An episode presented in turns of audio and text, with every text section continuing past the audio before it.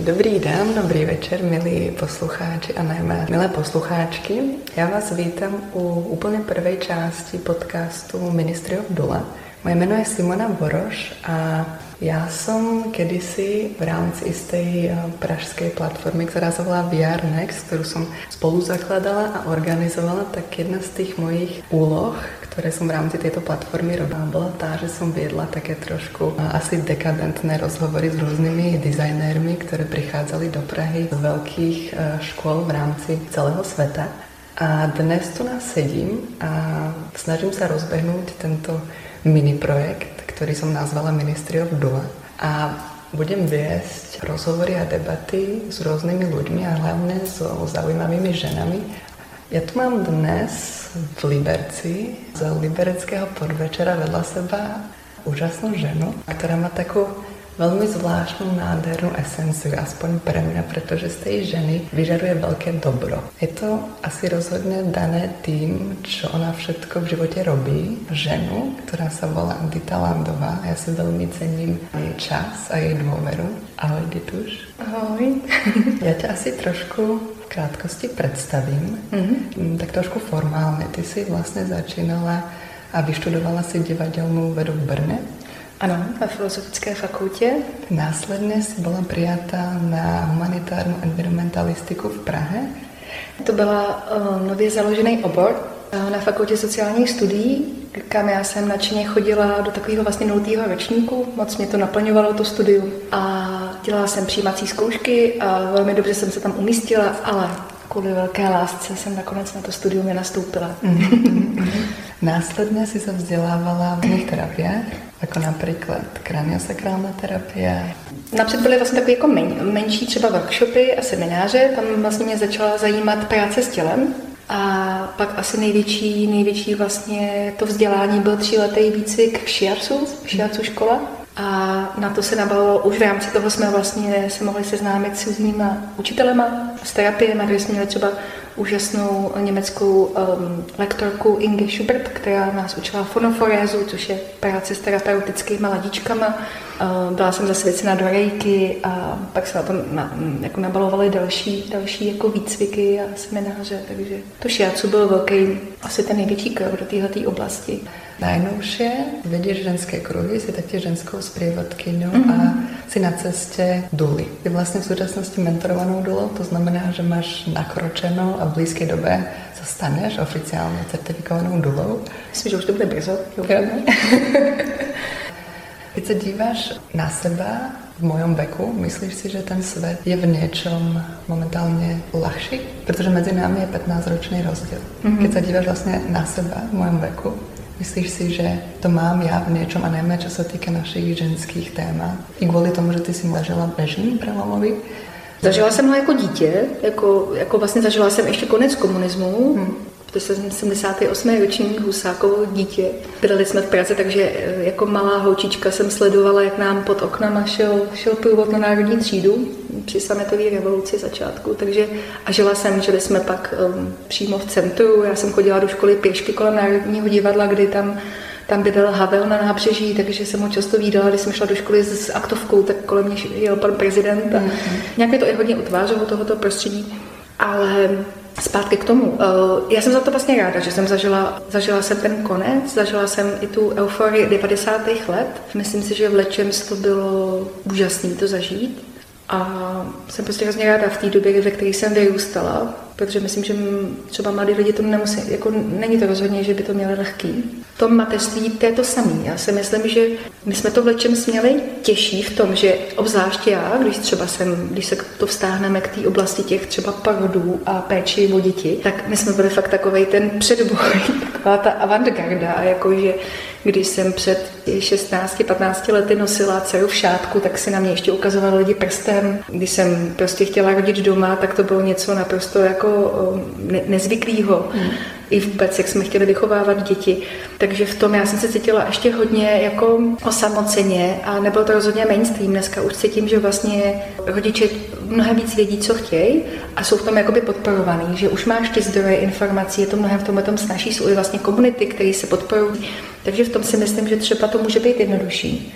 Na druhou stranu vnímám, jak ten svět, jak se to oko jakého orgánu jakoby roztáčí, že, že vlastně ten vnější svět prochází prostě velkýma změnama. A já jsem teda i tím, že jsem vlastně se třeba studovala tu environmentalistiku, četli jsme různé knížky, tak vlastně jsme věděli, že možná nějaké velké změny přijdou a že rozhodně nás nečeká úplně jako jednoduchá a růžová budoucnost, ale jsou to obrovské výzvy, kdy třeba spousta lidí se dneska rozhoduje, že vůbec děti mít nebudou, že nechtějí vlastně do toho, toho světa přinést děti. A tohoto myslím, že nebylo téma v naší době. Takže už jenom to, že se to posunulo, dejme tomu těch 15 let za takový kus, a, a ty změny jsou prostě markantní, já jako vnímám. Mm-hmm. Ty jsi rodila čtyřikrát a ty zkušenosti porodné máš asi rozdílné, protože jsi rodila na různých městech. Nejprve mm-hmm. to bylo Podolí, potom to byly Neratovice a následně se rodila dvakrát doma. Takže máme liberickou, liberickou sekci tady, no. no, protože mezi tím vlastně byly ty ztráty, ty velký, takže máme i jako relativně velký uh, rozestupy mezi dětma, teda to třetí a čtvrtý dítě ne, to už mm-hmm. máme 15 15 měsíců, naopak brutálních. Mm. Ale máme tady tu libereckou uh, dávku. A ty jsou už liberecký a jsou to domácí porody, ty se nám konečně už podařily. Byly tyto porody vzhledem k jejich městu a vlastně i tím, že dva byly nemocničné a dva byly doma, byl to zásadný rozdílný zážitek pro těba?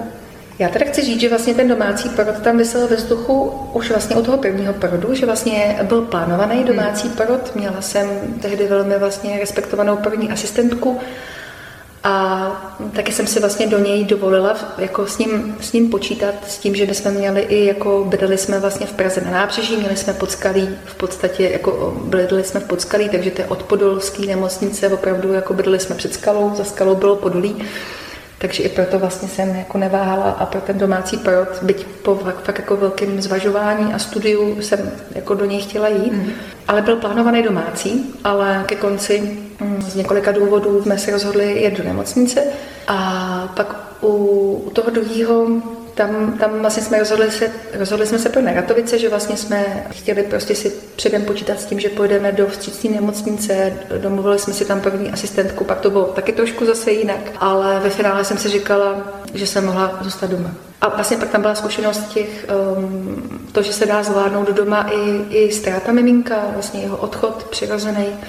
A takže i tím jsem byla posílená, protože když jsem si říkala, když jsem zvládla tohle, tak prostě porod, který vždycky pro mě byl vlastně krásný zážitek. Já jsem opravdu měla uh, ty porody jako nádherný, transformační, byť samozřejmě to bylo náročné, ale byly to pro mě jako úžasné životní okamžiky. Takže jsem se rozhodla, že to prostě zvládneme a Kránek se narodil doma s porodní asistentkou a u Melinky, u naší nejmladší, tak tam, tam jsme dokonce chtěli do porodnice, abych měla dost prostoru.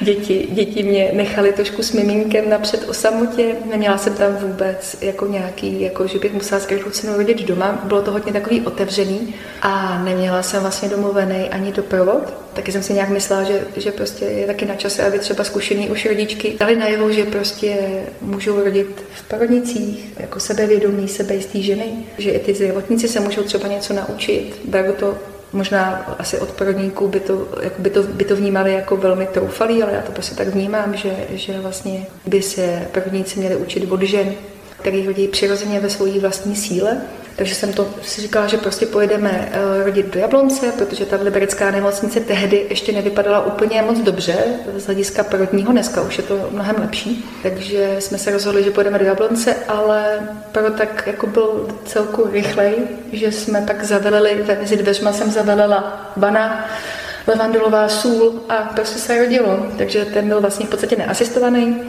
Asistoval teda v podstatě jenom můj 15-měsíční synek a e, tatínek tam dobíhal a Meninka se narodila prostě do vody.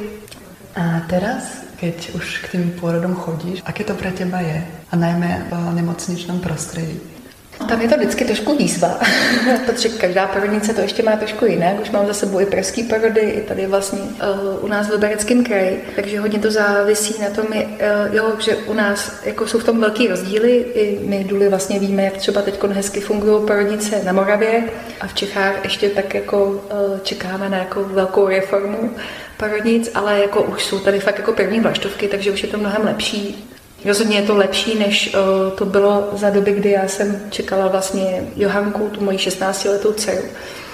tak tehdy, tehdy třeba první přání bylo naprosto jako něco, se na to svolávalo celý oddělení, aby se přečetli a, a, a fakt, fakt to nebylo přijímané úplně jako dobře, nebo třeba ambulantní porod, takové všechny tyhle ty věci, co dneska už celku ty porodnice jako se s ním běžně setkávají, tak opravdu to bylo něco, co jsme si museli jako hodně vybojovávat, hodně obhajovat, což je vždycky dost vysilující, obzvlášť jako když ta žena je těhotná. Ale jako pořád jsou v tom rozdíly, jo, pořád v tom vidím, že, eh, že hrozně závisí na tom, co je to za prvnici, jaká je tam konkrétní směna, což prostě vždycky je to takový jako nejistý a samozřejmě i ty ženy, i ty rodičky jsou v tom trochu nejistý, že ženy vidí, jako, jak to teda bude že není úplně zaručená úroveň péče a úroveň toho respektujícího přístupu. A samozřejmě mám zkušenosti i s domácíma porodama, který uh, jsou s porodní asistentkou. Pro mě vždycky každý porod je uh, neskutečná zkušenost. Setkáváme se s různýma typama žen, takže i to,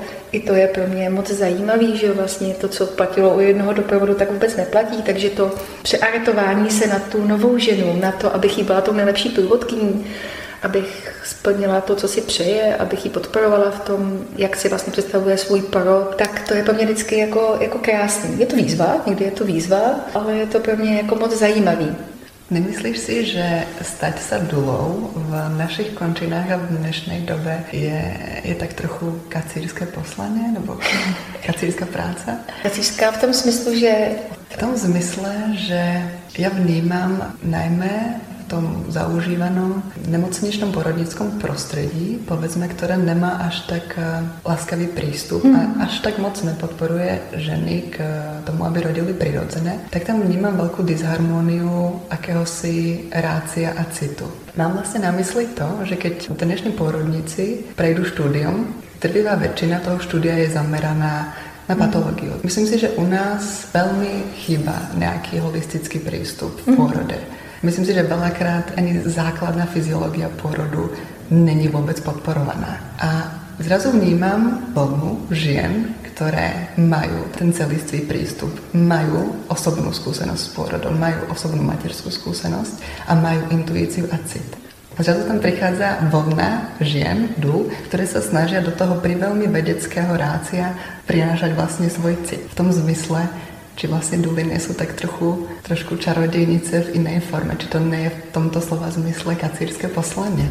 No tak já si myslím, že část, část parodníků to takhle vnímá. Hmm. Jako, že tam vlastně vstupuje takový cizí element, který je trošku neuchopitelný. Jo, někdy, někdy samozřejmě se setkáváme i s tím, že, že ty ženy, které mají sebou dulu, tak to jsou jako obtížný. Vlastně z jejich hlediska jako pacienti a já vždycky jako upozorňuji, že jako žena, která, která jako jde do nemocnice rodit, tak rozhodně není pacient, je to klientka a tak by se k ní měl, měli, měli, měl ten personál chovat. Ale někdy to vnímám, někdy to prostě vnímám. Mm, někdy jako obzvlášť některý porodníci, kteří prostě nemají zpracovaný to, že bychom měli ideálně být všichni vnímaný jako porodní tým pro tu ženu, a mělo by být vlastně jakoby jedno, um, kdo co zajišťuje, protože vytváříme z hlediska svých kompetencí prostě pro ženu tu nejlepší prostředí a tu pomoc, tak něk- někteří vnímají prostě, že, že, že ta důla je taková nevyspytatelná, jako z hlediska um, jejich přesvědčení může, může jako určitý věci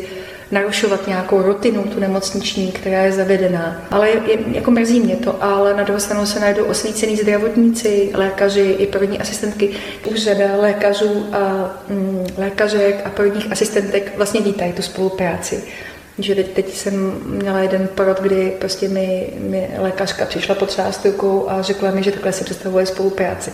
Takže je to, je to taky hodně individuální. Je už tohle to se mění. Samozřejmě dřív jsme byli braný jako duly, jako hodně cizorodý element. Na druhou stranu vnímám, že že čím dál tím víc je standard, prostě, že žena u porodu má svůj doprovod a že i porodnice pracují, začínají pracovat třeba s aromaterapií, s rebozem, s napálškou, takže tohoto jako je skvělý. A i ty porodní asistentky někdy opravdu mají, uh, mají tendence se vzdělávat dál, což myslím, že je skvělý a je to vlastně jako nezbytný se v té práci posouvat. Že ja poznám veľmi veľa žien, ktoré si z pôrodu odnesli veľmi bolestný zážitok. Tým, že ich je strašne veľa, mám pocit, že sa o tom strašne málo hovorí. Hmm. Čo si myslíš, že vlastne tady ten fenomén nášho kvázi niekedy až porodnického násilia spôsobuje? Myslíš si, že to máme dané kultúrou, že to je nejaký náš režimový dopad, alebo je to dané tým systémom, ktorým vlastne to porodnictvo funguje? Sú isté miesta na svete, kde to porodníctvo zvláda i v nemocničnom prostredí eh, spájať, povedzme, láskavý prístup k ženám. Prečo si myslíš, že v tomto trošku zaostáváme? Já si myslím, že je tam ten otisk těch systémů, který jsme zažili, jak byla potlačena jako individualita a vlastně svoboda člověka. Hmm. Tam si hmm. myslím, že určitě jsou jako kořeny toho. Já to musím říct upřímně, vnímám i, eh, že vlastně to bylo až jako vzývání nějakých patriarchálních autorit, které tady jako byly s nástupem jako medicíny, kdy se ty porody přemístily do porodnic. Myslím si, že je to opravdu daný tím, tím komunismem, že, že spousta žen vlastně do těch porodnic nastoupila, mluvím vlastně o generaci jako našich rodičů a ty porody opravdu byly velmi silně traumatizující. Jo, že Badu se ženama zacházelo jako velmi, eh, velmi nerespektujícím způsobem a byly tam jako jasný známky porodnického násilí. A to se prostě jen tak z toho systému vlastně nevymaže, protože tyhle ty lidi učí dál studenty.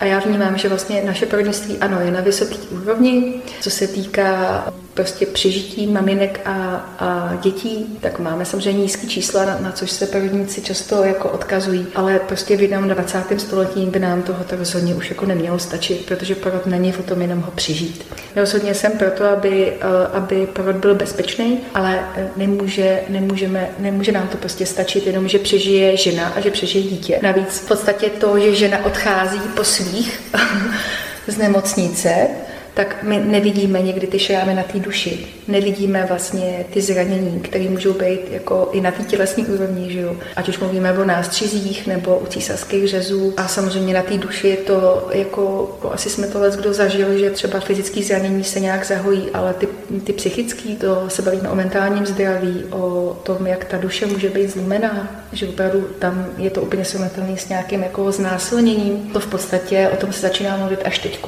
Nevím, jestli je to daný tím, že jsem důla, terapeutka, ale eh, někdy se se mnou začnou bavit ženy třeba někde ve vlaku, jo, takže, a nevědí, že jsem důla. A, a začnou se mi svěřovat a oni třeba po 20, 30, někdy fakt jako po 40 letech vzpomínají na svoje porody a je to pro ně, tam ten čas neexistuje.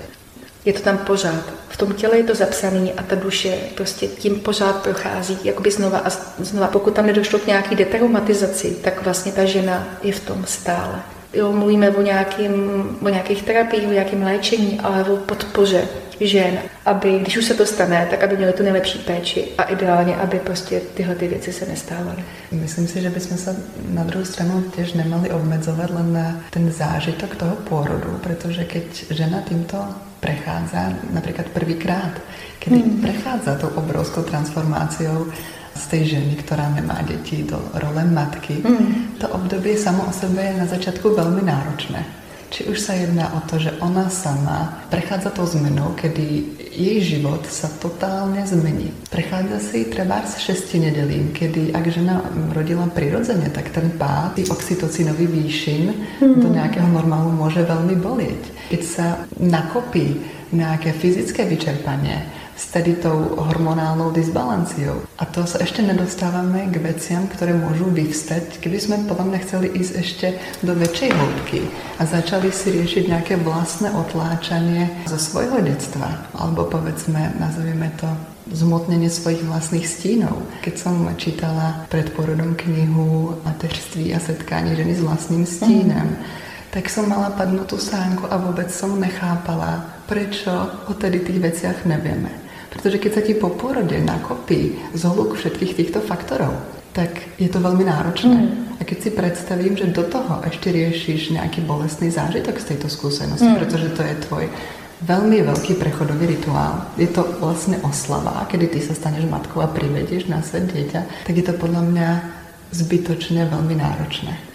Já ještě si do toho vlastně můžu ještě vstoupit, tak samozřejmě mluvíme i o tom startu toho miminka, že my vytváříme ty prvotní otisky a když to miminko se narodí ve svém tempu do lásky plného bezpečného prostředí, ideálně, když jsou splněny ty podmínky, že cítí hnedka teplo, je u maminky, jo, nikdo na něj zbytečně nešahá, jo, ta maminka se cítí dobře, tak je to úplně jiný vstup do, do života, když vlastně zažívá ty prvotní otisky jako nějakou separaci, něco nepříjemného. Možná by si, bychom si měli všichni uvědomit, že tím, jak se děti rodějí, tak taky zásadně ovlivňujeme.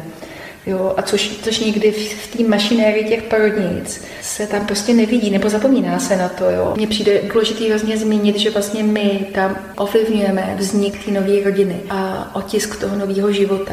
A ty ženy opravdu si tyhle ty věci budou pamatovat celý život. Mm. Jo, celý život si budou pamatovat, kdo tam byl, jak mluvil, co se dělo s miminkem. A to je jako velký. Jo? A často se to prostě bagatelizuje, no jo, tak teď jste zdraví, tak jak jste to zvládli. Ale ta žena to fakt v sobě jako má. Hmm. Jo, a mělo by se to prostě udělat pro tu ženu, aby to fakt byla ta oslava. A aby měla po porodu i dál tu nejlepší péči, protože dneska se stane, že vlastně porodnice vyplne ženu a není tam žádná návazná péče. Chybí nám kontinuita, kontinuita nějaký péče, ať už je to od porodních asistentech, po porodních důl. Už nám nechodí třeba sestřičky domů, jako aspoň to dřív bylo, nebo porodní báby. Jo, to o tom píše moc hezky autorka knížky čtvrtý trimestr, že vlastně na to nikdo nepřipravil. Nikdo ji nepřipravil na to, jak to bude jako náročný. Ale náročný v tom smyslu, že ona se připravovala třeba, že něco bude bolet, že se nevyspí.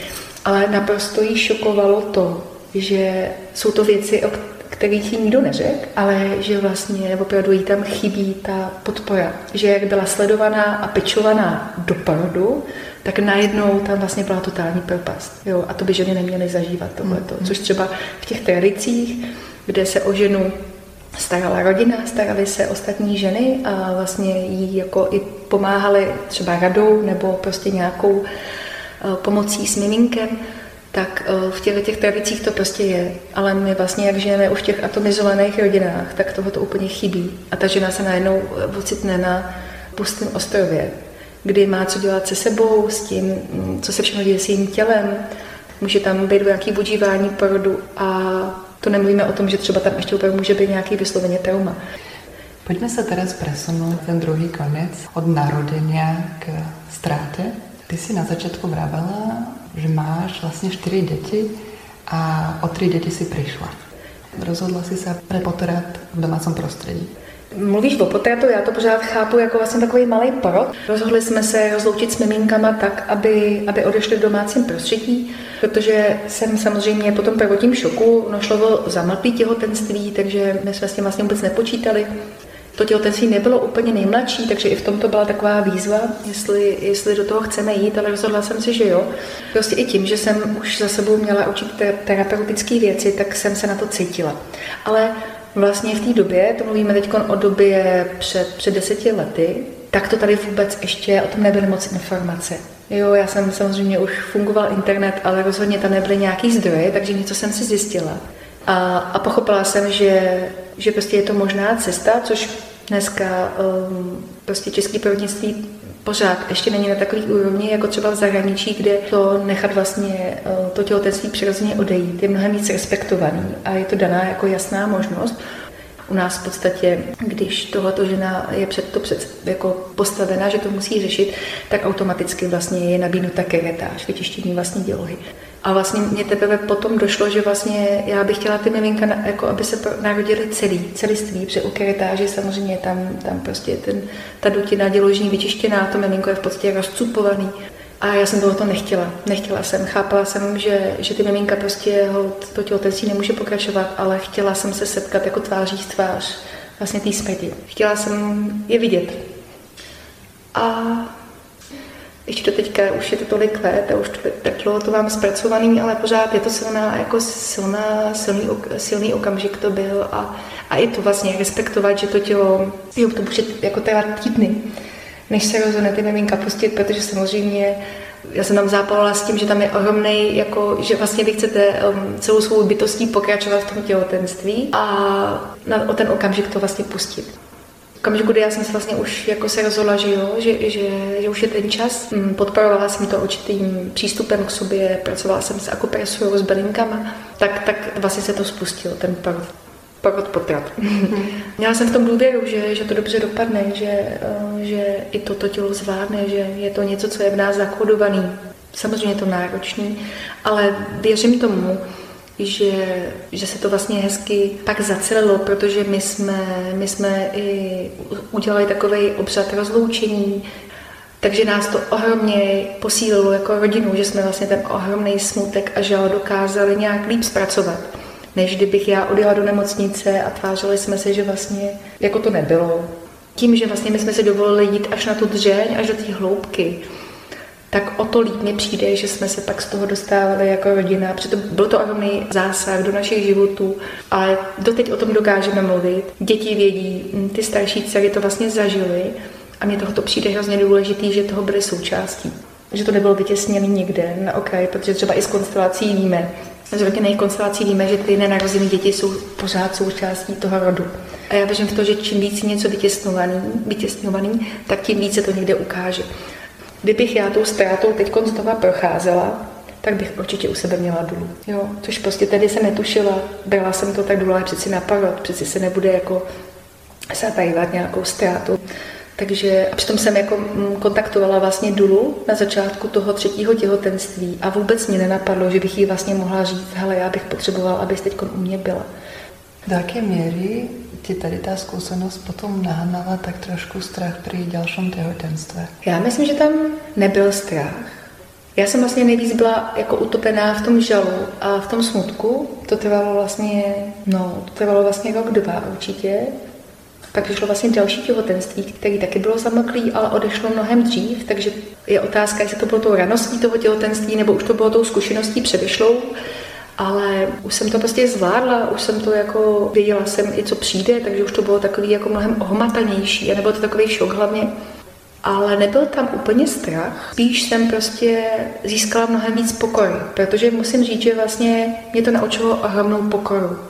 Já jsem měla možná trošku takový jako nabouchaný ego, jako mateřský a porodní, protože po těch dvou krásných těhotenství, porodech jsem měla pocit, že jako když jsem zdravá, dobře jim, já jsem vlastně se ještě věnovala jako léčení stravou a asi jsem vlastně v tom byla jako vlastně ohromně nepokorná. A mě tohleto, ta zkušenost těch ztrát mi dala to přistupovat k tomu těhotenství vždycky, vždycky s velkým respektem. Jediné, co jsem letovala u těch miminek, bylo, bylo, že vlastně jsem si říkala, že kdybych vlastně věděla, kolik času je nám dopřáno, kol, jak, jak malý čas je nám dopřáný, tak bych prostě se do toho položila mnohem víc. Jo? Že pořád člověk si říká, no tak až tohle to udělám, tak se napojím na miminko a je to, je to takový ten až, jo, to až. Ale mm, prostě vedu teď i ženy k tomu, aby to těhotenství si užívali a vnímali, jaký zázrak se v nich rodí, protože to není samozřejmost. Takže mě to naučilo ohromnou vlastně pokoru, ohromnou důvěru, ačkoliv je to paradoxní, tak opravdu tu důvěru. Je to velká zaťažkávající zkouška pro partnerstvo, keď partnery, respektive manželi a přijdu o děti?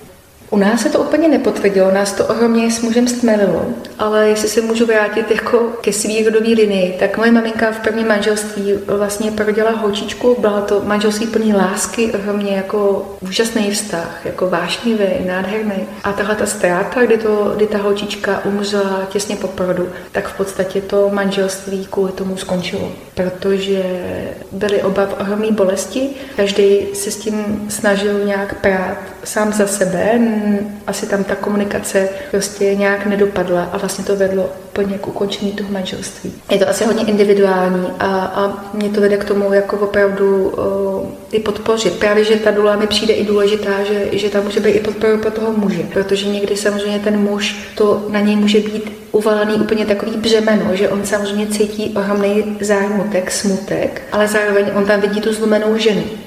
Takže pro ty muže to vůbec není jednoduchý. Jo, a samozřejmě se s tím perou po svým. Ta žena může procházet, a, a to, to jsem teda já taky zažívala a vůči svým muži, muži jsem to vlastně tak chovala, že mi přišlo, že třeba v určitých chvílích už jako netruchlil, jo, on to už jako uzavřel, ale já jsem to ještě neuzavřela, já jsem pořád byla v tom ohromném zármutku a to někdy může být vlastně jako náročný v tomhle tom. Takže ten prostor pro tu ženu a dopřát ten maximální čas A myslím si, že veľa ľudí, ak sa to niekomu v okolí takto stane, tak vníma tú ženu ako tú hlavnú, ktorá to nápojenie s dieťaťom mala od začiatku veľmi jasné a silné. Mm. A tí muži, na nich sa veľakrát tak trošku zabúda. Muži veľakrát sami definujú nejaké svoje mužstvo, tak to je vlastne schopnosť všetko zvládnuť. Ale občas zabúda na to, že vlastne tá stráta je stráta obidvoch rodičov a nielen, mm. nielen tej ženy.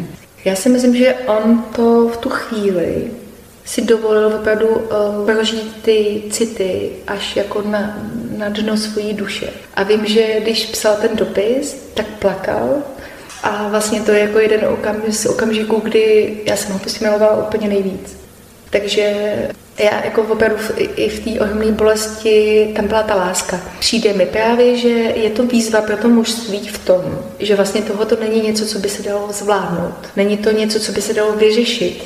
Jo, je to něco, co vlastně ta naše logika dostane totální jako zkrat. Ty chlapy jsou většinou, vidíme to i u těch porodů, oni prostě to chtějí řešit. A i ten je pro něj výzva, vlastně, že tam není co řešit, tam je to odevzdání se tomu ději. A to samé vlastně u ztráty těch miminek. Tam prostě jenom tím musíme projít. A on by měl teda zvládnout si tím projít sám a zároveň být oporou té ženě. Nebo aspoň umožnit to, aby ta žena měla pro sebe tu nejlepší podporu. A hlavně to, že prostě nedává tomu žádný omezený čas. A může to být samozřejmě i ve vlnách, jo, že jako už se to zdá v pořádku a pak zase je propad, protože prostě opravdu se hojíme nejen na úrovni toho těla, to tělo se většinou zahojí rychle, ta duše může opravdu zažívat jako hrozně náročné okamžiky. Já jsem fakt zažila u těch miminek, že jsem vlastně chtěla být víc s nima, nějaký jako říši mimo ten, ten život, než, než vlastně se svojí rodinou, kdy jsem měla dvě úžasné malé holčičky a, a, a muže, ale chtěla jsem vlastně odejít. Určitě to s časom nadobúdalo potom trochu jiný rozmer. Čím viac se ta, sa ta skúsenosť mm. hojí, tak to člověk potom dokáže vnímať z mnohých dalších perspektív, než to byl schopný vnímat na začátku. Já, já jsem si teda nezažila ztrátu, ale poznám veľa žen, které to zažili. A pre rôzne ženy dá sa povedať, že rovnaký zážitok bol vnímaný úplne inak. Napríklad mm. ja poznám ženu, ktorá pre ktorú pôrod jej mŕtvého dieťaťa bol veľmi katarzný liečivý zážitok.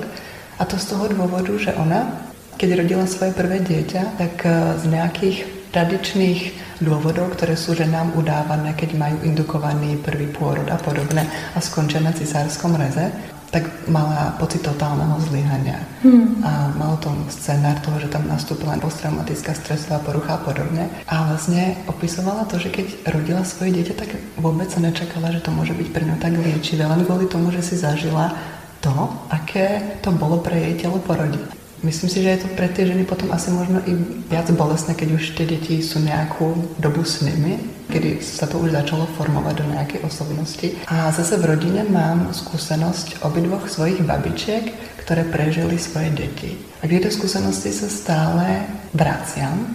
Matka mojej mamy prežila svoju dceru, ktorá nemala ani 40 rokov a zomrela. Matka mojho otca vlastne prežila mojho otca, ktorý zomrel, keď mal 50 rokov. A já se k tomu veľakrát vracím a premýšľam, aké to je pre ženu mm. vidieť začiatok, tedy ten celý život až do konca. Protože mne, keď sa narodila moja dcera a v tom prvom momente, keď som ju videla, tak ona pre mňa bola geniálna koncentrácia celého vesmíru.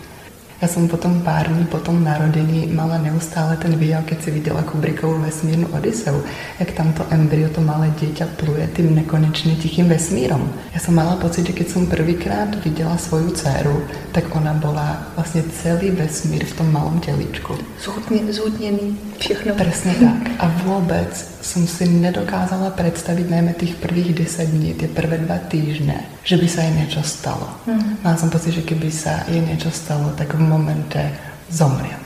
Mňa fascinovalo to obrovitánske napojenie, ktoré žena prostě môže mať.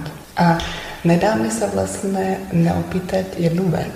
Občas, keď sa na to pozrieš, i na tie najbolestivejšie zážitky a skúsenosti, ktoré si tu nám môžeme zažiť, občas, keď sa na to pozrieš z trošičku inej perspektívy, tak to veľakrát môže nadobudnúť úplne iné vnímanie tej skúsenosti. A mne v tady tom prípade, kedy žena je schopná vidieť ten začiatok a koniec, tak mne pri tomto naskakuje paralela Já jsem kdysi čítala knihu od Stanislava a Kristiny Grofovi, která se volá Spiritual Emergency.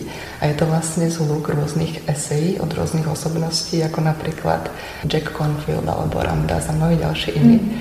A nejvíc ma fascinovala esej právě tady toho pána Jacka Confielda, který je velmi dobrý vědecký psycholog. On tam vlastně písal, jsou to vlastně eseje, které se zameriavají na tému psychospirituální krize a eseje na tému toho největšího osobného osvětění a oslobodenia, které si vieme představit. Asi v tom nejvyšším možnom slova zmysle.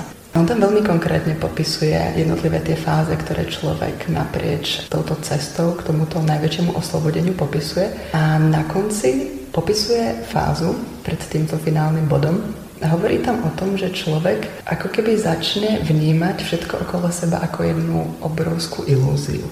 Hmm. Všetko to, na čo sme tak strašne nalipnutí, naša práca, naše domovy, príroda, naši najbližší, tak zrazu ten člověk začne vnímat, než dovrší toho osvětění, že je to všetko ilúzia. Popisuje tam, že předtím, než se člověk dokáže oslobodit, musí pochopit jednu věc. A to je ta, on tam právě citujem, that we are everything and nothing, že jsme vlastně všetkým a ničím.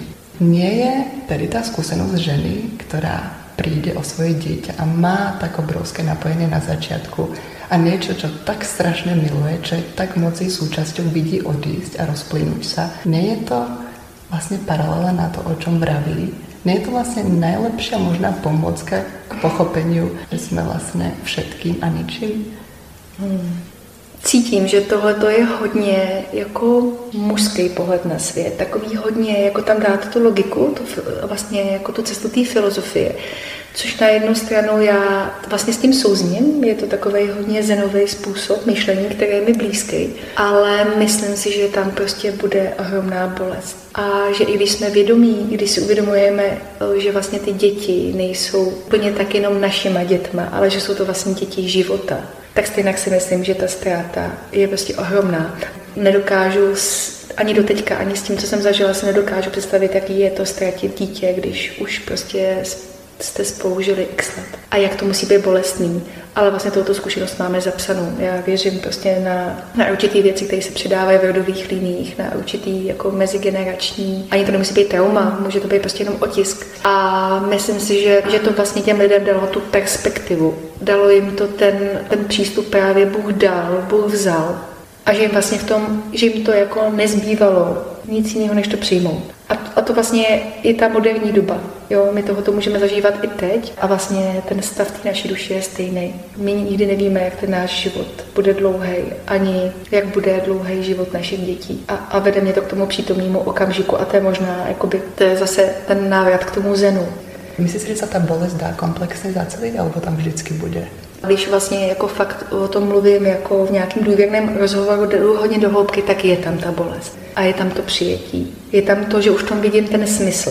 Jenom to, že mě to nám mělo naučit tu pokoru, že mě to mělo naučit to, abych žila totální přítomností a abych uznala, že něco nade mnou, na, na co nemám já vliv, i kdybych to sebelíp tam tlačila a držela, tak prostě toho neorvu. A věřím tomu, že prostě ty duše mají potřebu si něco zažít. Je tam pokora k tomu, že může být rozhodnutí té duše tu být s náma jenom část té doby, nebo se vůbec nenarodit, protože já jsem tam měla obrovskou tu bolest, že oni nezažijou to, že je přivinu k sobě, že uvidí ten krásný svět, že můžou vidět svoje sestřičky, že budou mít tatínka, který prostě bude pro ně ten nejlepší táta. Tak ta vlastně ta byla ta bolest, ale to byla ta bolest jako mě samotný, ta projekce toho, že já to do nich projektuju, ale jejich zkušenost třeba byla jenom takováhle, jenom si to zkusit. A třeba jim to stačilo, nebo můj muž věří, že se zase ty dušičky vrátily v těch našich dvou mladších dětech. Já to úplně tak nevidím, ale on si to myslí. Takže všechno tohoto nás vede k tomu, že jsme nic a všechno i, i ta bolestivá ztráta může být vlastně cena. Já už to teď vidím a ne, nedokázala jsem to vidět dobých pět let, ale teď už to vidím jako velmi cenou zkušenost, Já jsem ti velmi vděčná za tvoje otvorené sdělení i za ochotu vlastně o tom pravět. Myslím si, že my jsme těž definovaný tým, do jaké míry se v naší společnosti veľa lidí té smrti bojí. A přitom to je mm. vlastně naša největší jistota, že všetci raz zomřeme. Takže si velmi cením toho, že si o tom dokázala rozprávat, protože si myslím, že to ženám, které si něčím podobným prešli, určitě pomůže. A veľakrát pomůže už len to, že člověk počuje, že si to zažili i, i mnohí další. Ono to ohromně jako otevírá právě to sdílení, protože někdo o tom právě nechce mluvit. Já jsem měla až obsedantní potřebu to sdílet, protože jsem to přirovnávala s tím, jako když chlapi dřív přišli z války, tak to byla tak neskutečná zkušenost, kdy tam bylo třeba nějaké fyzické zranění, ale ještě větší to zranění bylo na té duši, tak mi přišlo, že pro ženy může být tohleto, když se to jako prožijeme. Tak mi to přišlo tak velký pro tu ženu, podobně jako když fakt jako muž se vrací z té války. To, že jsem o tom mluvila, tak najednou otevíralo jako duše těm ostatním, že o tom začali mluvit. A že, kolikrát mi ženy řekly, hele, já jsem to nikomu neřekla, ale já jsem tohoto taky zažila. A pak mě vlastně překvapilo, jak častý to je smrt dokáže, teď už to dokážu říct, ale je prostě krásná, protože si pamatuju, jak jsem držela dvě miminka v dlaních a viděla jsem, jak jsou dokonalí. My můžeme zažít nádheru toho života i v těch, těch chvílích. Velmi ti děkujem za toto sdělení o narodení, o smrti a prajem ti, aby si mohla svědčit nejkrajším, nejúctyhodnějším pôrodom a, a i odchodom. Jsem velmi ráda, že jsi byla probou ženou a ještě by si možno vzpomenula ak by to ženy chceli kontaktovať, ak by sa chceli obrátiť či už na tvoje terapeutické služby, šiacu masáže alebo nejakú predporodnú prípravu alebo doprovod porodu, mm. povedz, kde ťa môžu nájsť alebo kde, kde si viděna, kde ťa můžu kontaktovat. Já mám webovky pořád ve výstavbě a teď jsem k zastížení, mám pro ženy vysloveně i skupinu, která se jmenuje uh, Ženy živy s velkým Ž, protože živa je, velký téma, je to takový princip, se kterým já pracuji. Takže jsou to ženy, že jsou živé, ale jsou to i ženy uh, živy. A má facebookový profily uh, Živa Dita Landová a Dula Dita Landová, takže možná přes to, anebo přes ten náš Amadulí web, což je naše organizace, tak tam myslím, že také se dám vyhledat jako se svým profilem, tak tam. Tak ještě raz děkujem a budeme se na tebe těšit někdy budoucnu. Mějte se krásně. Majte se krásně, kdekoľvek jste a kedykoľvek nás počúvajte. Ahoj. Ahoj.